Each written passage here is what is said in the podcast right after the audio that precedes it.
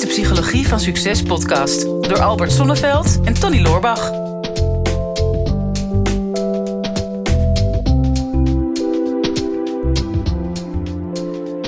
Ja, Tony, misschien is het jou opgevallen, maar eh, mij in ieder geval wel. We zijn best wel bekend aan het worden inmiddels. Ja. En ehm, ja, weet je, eh, jij vertelde pas dat je over een festivalterrein eh, liep en dat je herkend werd. Ehm, en dat mensen selfies met jou wilden maken. Nou, ik had hetzelfde met een, eh, een tuinman die voorbij kwam. Oh, in jouw tuin.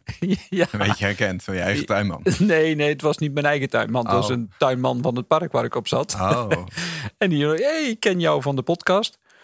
Ehm, ja, en dan zou je denken, en dat horen we vaak terug. Tenminste, ik hoor dat vaak terug van, eh, ja, dat we zo succesvol zijn en dat we bekend zijn en noem maar Mhm. op. En in, in financiële zin. En dan wordt er wel eens vergeten dat, je, dat er ook nog dingen zijn, tenminste bij mezelf, die ik dan minder succesvol aan mezelf vind. En misschien zelfs ook wel ja, minder dan heel veel andere mensen. En Ja? dan wordt het al snel een minderwaardigheidscomplex. ja? Waar voel jij je minderwaardig over? Het is een veilige kring. Ja. Er zitten 16.000 mensen te luisteren. man. ja, maar niet hier nu. We zijn nu hier met z'n drieën. ja, met z'n drieën. Oh, wij- Joris, de, de camera, geluidsman, zit er ook bij. toch niet echt. Oké, gewoon nou, telefoon. Ehm, nou, wat ik. Mm, Ik ga het toch maar toegeven. Ik, ja, ik vind eh, waar ik wat minder waardig over voel, is over mijn sportprestaties. oh, En ehm, dat betekent, ja, ik loop natuurlijk allemaal ehm, eh, rond de, tussen de jonge gasten, zoals jij en eh, een heleboel anderen. Ehm, ja, die zijn zo super strak afgetraind, wasbordje. En Mhm. ja, ik ben een beetje losgestoffeerd over mijn eh, wasbordje heen. oh ja. En ja, ik wil niet zeggen jaloers, maar dan voel ik me toch net iets minder. Ja, maar heb je al eh, gehoord van het fenomeen de dadbot? Nee, dat heb ik nog niet. Dat is helemaal, helemaal in. Dus Dat is afgeleid van een, een, een eh, dad van hè, daddy, vader. Ja. Een vaderlichaam. Oh, Dus hè, als je op een gegeven moment op het punt in je leven bent dat je een gezinnetje hebt en je bent hard aan het werk en je hoeft ook niet meer eh, op jacht. Hè? Je hoeft ook niet meer hard te trainen om de beste versie van jezelf. Dan wordt het een beetje zo'n spierloos, niet per se te dik, maar spierloos vormig lichaam. ja, wrijf het er nog maar even Nee, in, Tony. dat, dat schijnt dus dat, dat een eh, bepaalde groep vrouwen dat extreem aantrekkelijk vindt, een dadbot. Oh, Omdat oh. een, een heel erg afgetraind lijf kan ook heel intimiderend zijn. Ja. En waarvan ook vrouwen het idee hebben van ja, maar dan, dan, moet, dan moet ik ook, zeg maar. En als ik nou een, een vent heb die zo'n spierloos lichaam heeft, Ja. dan, en ik ga ernaast staan, dan voel ik me altijd echt heel goed over mezelf. Oké. Ja, Oh, dat, ik, ben, ik ben nu al opgeknapt. Dankjewel. Ja, ja, wat, wat kost zo'n consult gemiddeld bij jou. Tony? ja nee, maar het gaat ook niet alleen, alleen over vrouwen. Maar ja, dat, dat zal toch de, de consensus zijn dat dat eh, Ja. iets is om na te streven. Ja. ja, nou ja, het is goed. Dus al, want ehm, voor de oplettende luisteraar, het gaat vandaag over minderwaardigheidscomplex. ja. En is er iets waar jij je nog minderwaardig over voelt, Tony? Nu dat we toch al... ja, die kun je natuurlijk terug verwachten, hè? dat snap je. Ja, Ehm, jawel, ik, ik, ik heb heel lang wel eh, het met, met wel minderwaardigheidscomplex gekampt, denk Ja. ik. Niet altijd zo, zo bewust van. Maar dat, dat is wel altijd zowel de motor geweest in mijn, in mijn ontwikkeling... als, als waar ik eh, vaak wel moeite mee heb gehad. Mhm. Ik vond het al heel geruststellend toen ik daarover ging lezen... dat eh, Alfred Adler zei dat ooit. Van Oh. alle, alle mensen hebben een minderwaardigheidscomplex. Dat is een, dat is een menselijkheid die je hebt. Dat stelt je in staat om te presteren. Het wordt pas een probleem als het zelfdestructief wordt. Hmm. En ik heb heel vaak op die rand eh, geschipperd. Ik ben me er nu bewuster van, kan er best mee omgaan. Maar ik, ik had het een tijdje geleden nog. was wel eh, een interessante ervaring. Ik had in, de, in eh, mijn sabbatical in de zomer had ik zoiets van... ik ga even wat nieuwe dingen proberen. En eh, ik had al de hele tijd in gedachten van... ik wil een keer een, eh, een yogalesje gaan doen. Oh ja. Dat is even een keer heel iets anders voor mij. Heel verstandig. Ik ben dol op yoga. Drie keer per week, minstens. Vier keer. Ja, Ja. ja. snap ik. Snap Ja, ik. ja. Maar ehm, ik, ik had de, de OneFit app gedownload in Amsterdam. En dan kan je overal lesjes en zo zien. En daar stond, nou, had ik op yoga geselecteerd. Denk, oh, wat, wat grappig. Dus bij mij in de straat is een eh, yoga studio. Kom er na vijf jaar achter. Dus daar was ik naartoe gegaan. Maar dat bleek eh, hot yoga te zijn. Oh ja. Dat is een goed idee om op een dag dat het, toen was het 37 graden, ging ik naar de hot yoga toe. Tuurlijk. Als eerste yogales. Dat is een goed idee. Dus ja, dan, dan ben, je daar, ben je daar bezig en zweten en ellende. Ik eh, was echt gewoon ik moest echt om de 20 seconden stoppen om met mijn handdoek me af te drogen. Omdat het echt net leek alsof ik onder de douche stond. Ik heb Mhm. helemaal nooit zoiets meegemaakt qua zweten. Maar ik had best wel een interessante reis. Omdat in eerste instantie had je de, de yoga-leraar. En die begon een verhaal te vertellen over dat het die dag een bijzondere dag was in de Maya-kalender. En dat had dan eh, zijn zijn roots weer in de, in de yoga of, of andersom. En ik zat ernaar te luisteren en ik merkte dan echt aan mezelf bij dat verhaal van... nou, ik moet even goed opletten. Ik moet dit onthouden. Want eh, die, die kennis die maakt mij meer waard. En misschien wil ik dit wel een keer in de podcast gebruiken. En daar zit echt een beetje zo'n prestatiedrang zat er bij Mhm. mij. En, en, en achteraf heb ik dat bestempeld als de fase van...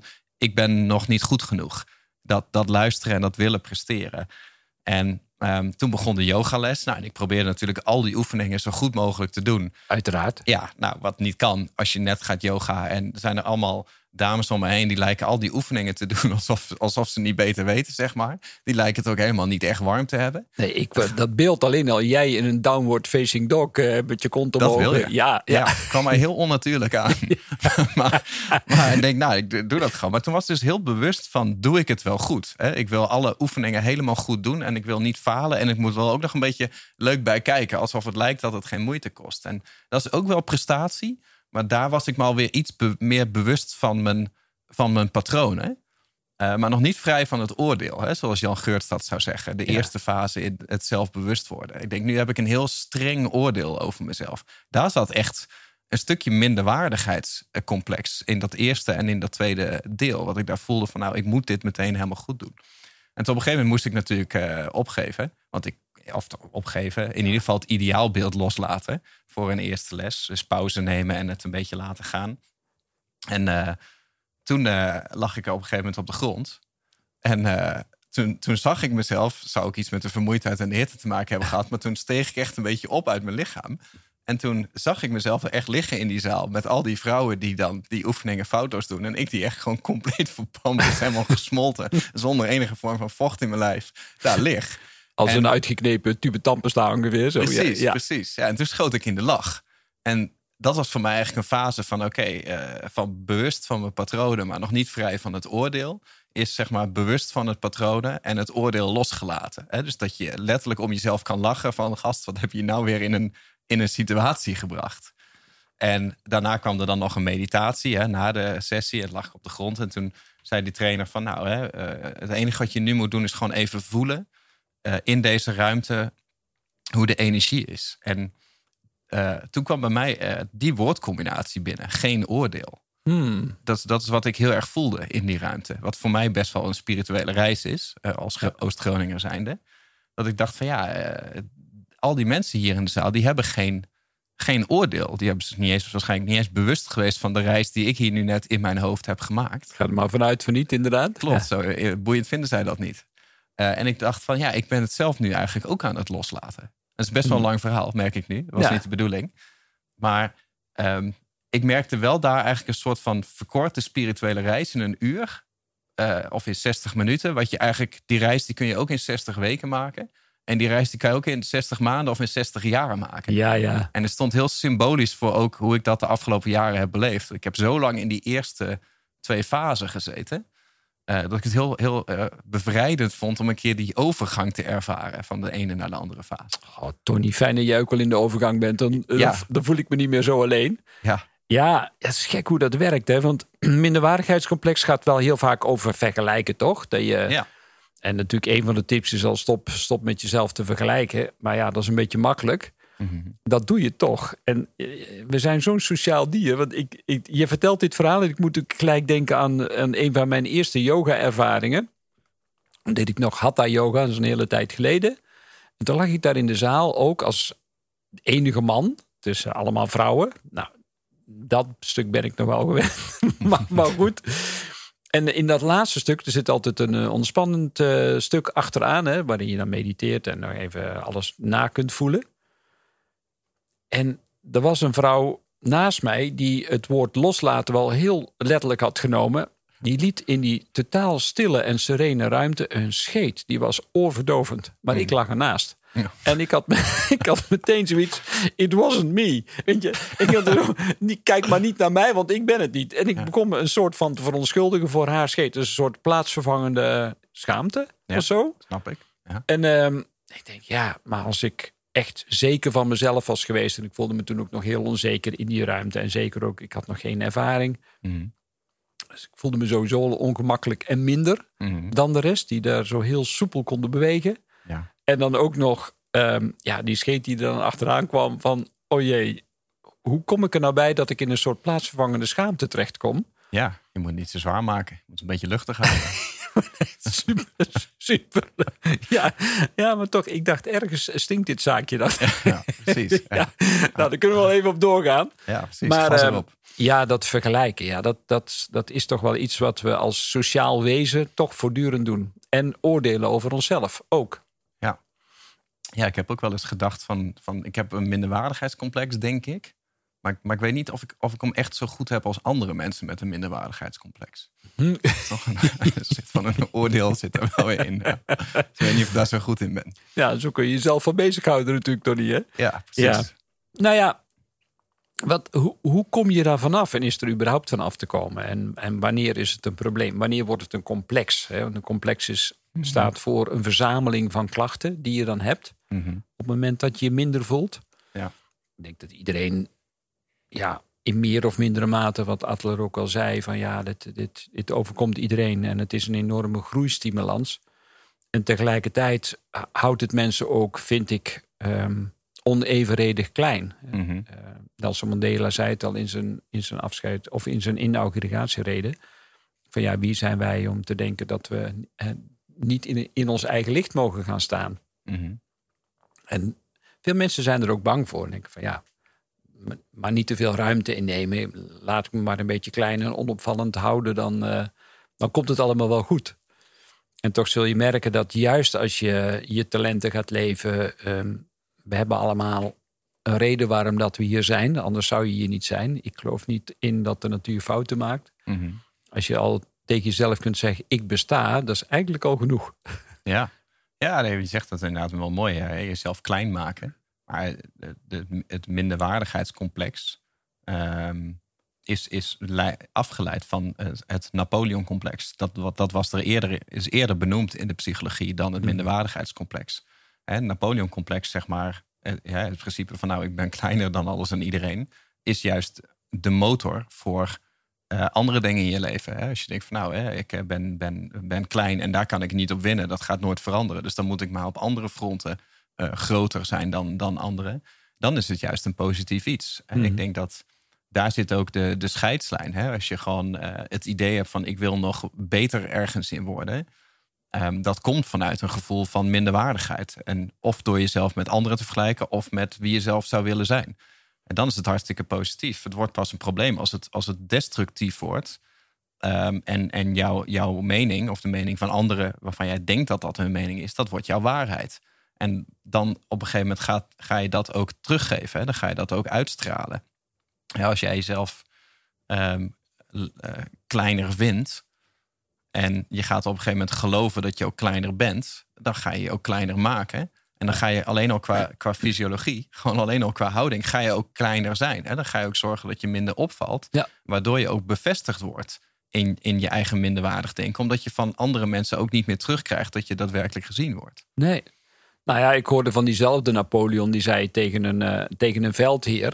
Die keek hij zo naar, naar, hij keek naar boven. Dat was een vrij lange veldheer. Het is al snel langer hè, eh, op het moment dat eh, Napoleon ernaast staat. Maar die zei tegen die veldheer: Jij bent langer, maar ik ben groter. ja, ik wel een eh, briljante opmerking natuurlijk van hem. Ja.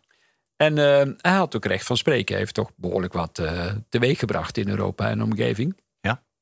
Dus ja, ehm, wat heb je nodig om jezelf groter te voelen? Mhm.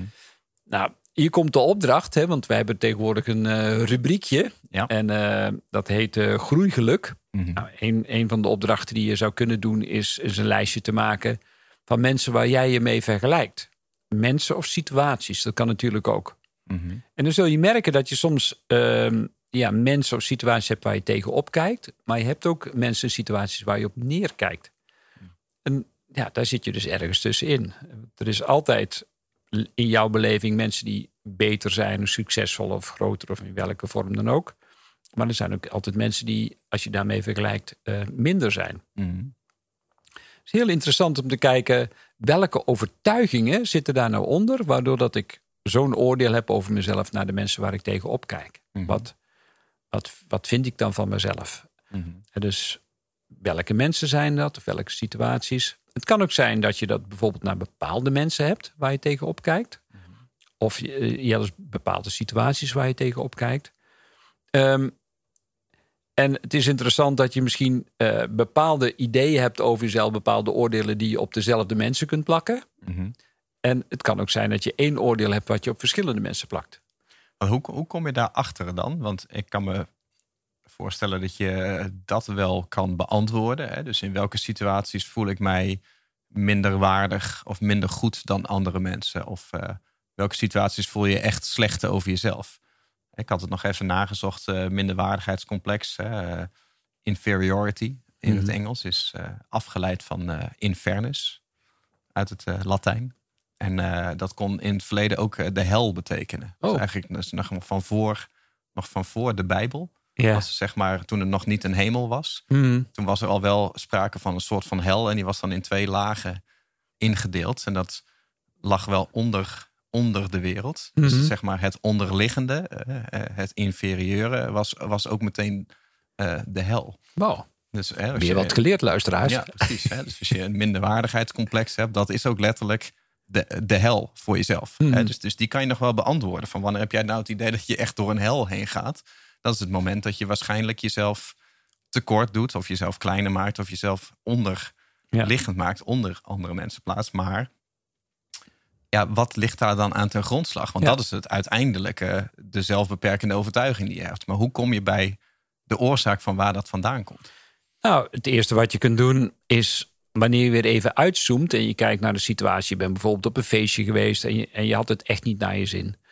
En denkt, ach, gadverdarre, ik wil hier zo snel mogelijk weg. En je, en je bent s'avonds thuis, als je niet te veel gedronken hebt... of de volgende dag zit je nog even te beschouwen op dat feestje. Wat was er nou aan de hand? En dan zul je merken dat je in je hoofd een bepaald gesprek hebt gevoerd met jezelf. Hè, Bepaalde zinnen die zich regelmatig eh, hebben herhaald. Van bijvoorbeeld, ja, ik voel me hier alleen. Of ik ben niet de moeite waard. Of, nou, er, zijn overtuigingen die dan naar boven komen als je dat observeert voor jezelf. Mhm. Of je gaat nog even in stilte op een meditatiekussentje of op de bank zitten. Wat, wat heb ik nu vooral tegen mezelf verteld? Nou, die overtuiging die is ergens ontstaan. Het is niet zo dat ons lieve heer op een wolk zit en denkt... oh ja, nou, eh, Marietje geven een minderwaardigheidscomplex... en, eh, en eh, Joris geven weer iets anders. Hè. Dat, dat, dat doen we natuurlijk niet. Geef al zoveel. Sommigen hebben al zoveel. Geef Joris alleen maar liefde. ja. Nee, dus als je die overtuiging voor jezelf helder hebt, dan kan het niet anders zijn dan dat je moet concluderen: Goh, ik ben dat op een bepaald moment gaan geloven over mezelf.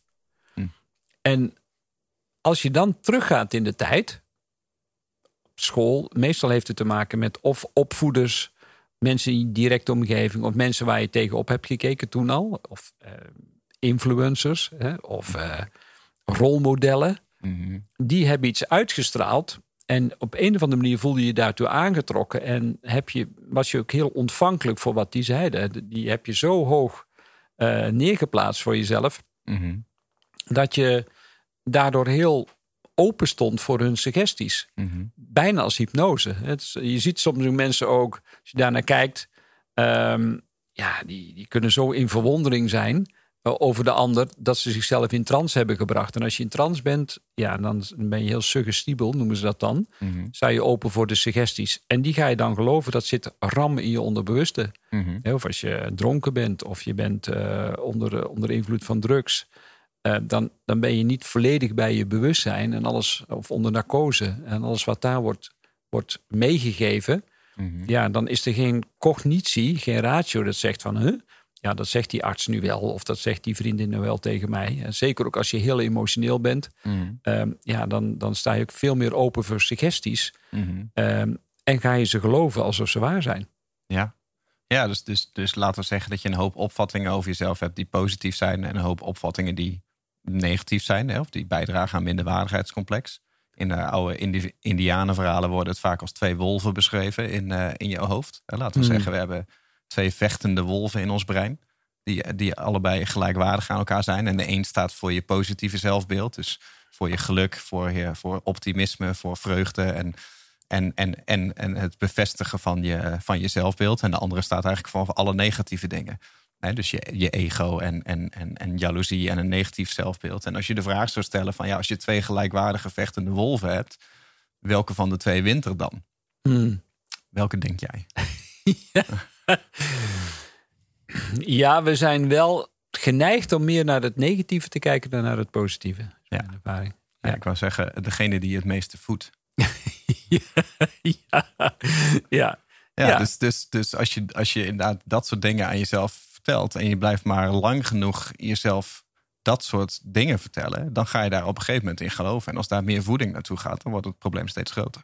Nou, briljant. Ja, ja het is wel. Uh, ja. Nou ja, en het, natuurlijk, weet je, wanneer je dit zo hoort en wij vertellen dit, en het is natuurlijk ook, wij praten echt uit eigen ervaring. Um, niets menselijks is ons vreemd natuurlijk ook. Hè. Die, die wolven die vechten ook regelmatig in mijn hoofd. Mm -hmm. Maar hoe lang blijf je ze aandacht geven? Daar gaat het vooral om. Hè. Dus al die gedachten, al die gevoelens die komen en ze gaan weer. Mm Het zijn net golven uh, van een oceaan die even geen wolven, maar golven, mhm. eh, die opkomen en vervolgens weer uh, terugkomen in die oceaan. En niets is permanent. Mhm. Maar als je het permanent maakt, dat je die golven als het ware bevriest, ehm, ja, dan is het voor jou waarheid geworden. Mhm. Wanneer je alles vloeibaar houdt en meebeweegt met het leven, ja, dan zul je merken dat, ja, nu voel je misschien even minder waardig. Um, maar daar kun je niet in blijven hangen. Uh, want er is geen enkele reden om dat te doen als je weer gaat verwonderen en als je weer nieuwsgierig wordt. Nou, we zijn echt heel dicht terug bij de natuur gekomen nu. Van, van wolven naar golven. Dat kun je het wel noemen. Ja, ja. niet, uh, niet als uh, met een balletje en een stick golven, maar oké. Okay. Jij uh, hebt waarschijnlijk een bekrachtigende vraag om dit meesterwerk tot een einde te brengen. Ja, nou ja, die bekrachtigende vragen. De, de luisteraars die steeds uh, iedere aflevering luisteren, weten dat we daar pas geleden mee zijn begonnen. Omdat we geloven in uh, wanneer je zelf een vraag stelt die positief geformuleerd is. En, en ook uh, opbouwend is en richting geeft. Of ja, het, het gevoel geeft dat je in beweging kunt komen. Want meestal als je een probleem hebt, zit je voor je beleving vast. En een vraag maakt dat weer open en zorgt weer dat je in beweging komt. Mm -hmm. Nou, um, we hebben het gehad over minderwaardigheid. En ja, als het positief. Wat is positief tegenovergestelde van minderwaardig, Tony, voor jou? Uh, superieur. ja. ja, nou, dat zal niet iedereen zo kunnen beantwoorden. okay. hè, want niet iedereen zal zich superieur voelen. Maar minstens gelijkwaardig. Mm. Hè, of, of één, of verbonden met. Mm. Uh, of ja, gelijkwaardig is denk ik wel een, een, een hele mooie. Of je zou kunnen zeggen, goh, ik, ik geloof meer in mijn eigen kwaliteit of mijn eigen kracht. Of ik, nou, dus de bekrachtigende vraag die je zou kunnen stellen is: wat, wat kan ik nu, welke gedachten kan ik nu aannemen of welke overtuiging kan ik nu gaan accepteren van mezelf dat ik gelijkwaardig ben aan de rest van de mensheid? Mhm. Of je zou een vraag kunnen stellen in, in de vorm van: ehm, wanneer ik nu oprecht en eerlijk in de spiegel kijk, wat kan ik dan van mezelf waarderen, waardoor dat ik mezelf gelijkwaardig voel? Nou, dat zijn denk ik al een paar vragen die je aan jezelf kunt stellen, mhm. zodat je jezelf in ieder geval in een ander perspectief kunt gaan bekijken. Ja, dus dat is eigenlijk meteen voor morgenochtend, als je uit bed komt en je kijkt voor het eerst in de spiegel, dan is dat de vraag eigenlijk die je gaat stellen. Ja. wat kan ik nu aan mezelf waarderen? Ja, wat kan ik nu. Ja, en dat is voor sommige mensen, zeker als ze net uit bed komen, de, hmm. de neiging om gelijk weer allerlei oordelen te hebben. Um, zou ook een bekrachtigende vraag kunnen zijn. Wanneer ik mild ben voor mezelf, hoe zou ik dan naar mezelf kijken? Lijkt me een hele mooie afsluiting. Dit is de Psychologie van Succes podcast door Albert Sonneveld en Tony Loorbach.